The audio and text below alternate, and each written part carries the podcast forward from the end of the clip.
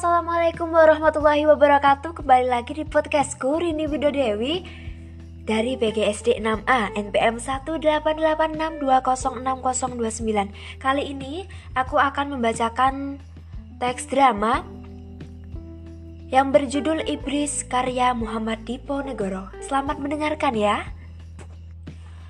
Panggung gelap seluruhnya. Suara ngeri terdengar merayap dan menanjak Lampu sorot yang tak kuat terpusat pada pilar depan yang terbuka perlahan-lahan. Mula-mula tangannya, kemudian wajah dan tubuhnya, iblis laki-laki tampak muncul. Wajahnya berangasan, menyeringai-nyeringai. Ia memandang berkeliling. Tiba-tiba, dari kegelapan yang tidak diketahui arahnya terdengar suara Ibrahim. Ibrahim sendiri di luar peta tidak kelihatan. Siapa kau? Apa perlunya kau tanya? Jangan tanya pula perluku di sini. Ada yang ingin kau sampaikan padaku? Kau tak mau mendengarnya. Kalau begitu pergilah. Aku hanya mau bilang aku amat kecewa dengan kau Ibrahim. Selamanya kau akan kecewa denganku. Dulu kukira engkau seorang yang baik, yang cinta betul pada anakmu. Tadi siang pun waktu kamu bertemu dengan Ismail, aku mengira kau memang ayah yang baik. Baik sekali. Tetapi sekarang dengan segala bukti yang ada padamu, kau ternyata seorang ayah yang amat-amat jahat Ibrahim. Ibrahim. Teruskan, teruskan. Hah? Bagus jadi kau mendengarkan juga omonganku, hah?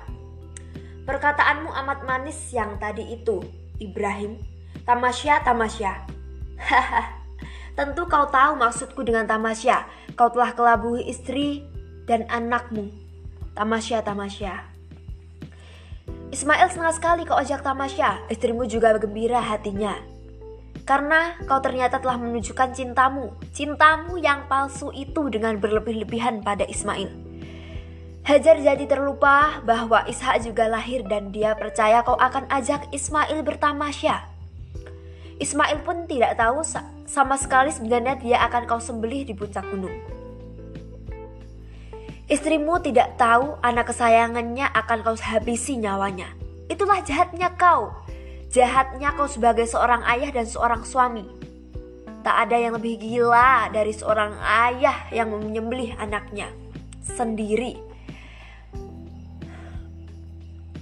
Menanti jawaban Ibrahim yang tak juga datang. Coba tanya hatimu sendiri Ibrahim. Hati seorang ayah dari anak yang gagah dan cerdas, tegakah kau melakukan perbuatan keji itu? Tegakah? Aku heran kau bisa mengatakan akan sesuatu yang benar. Kenapa tidak?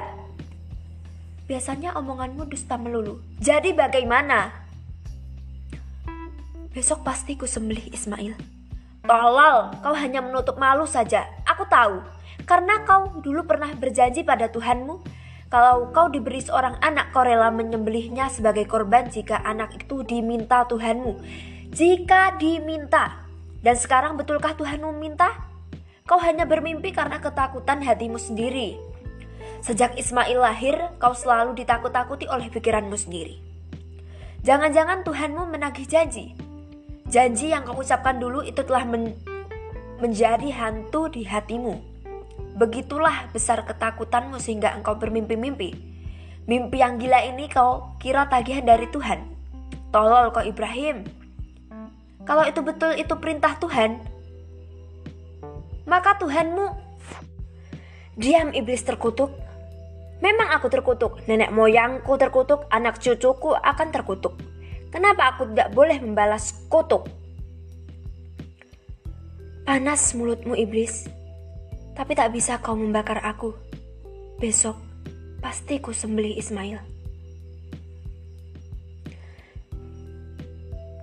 Baik, demikian tadi pembacaan teks drama yang berjudul Iblis karya Muhammad Diponegoro. Terima kasih telah mendengarkan. Wassalamualaikum warahmatullahi wabarakatuh.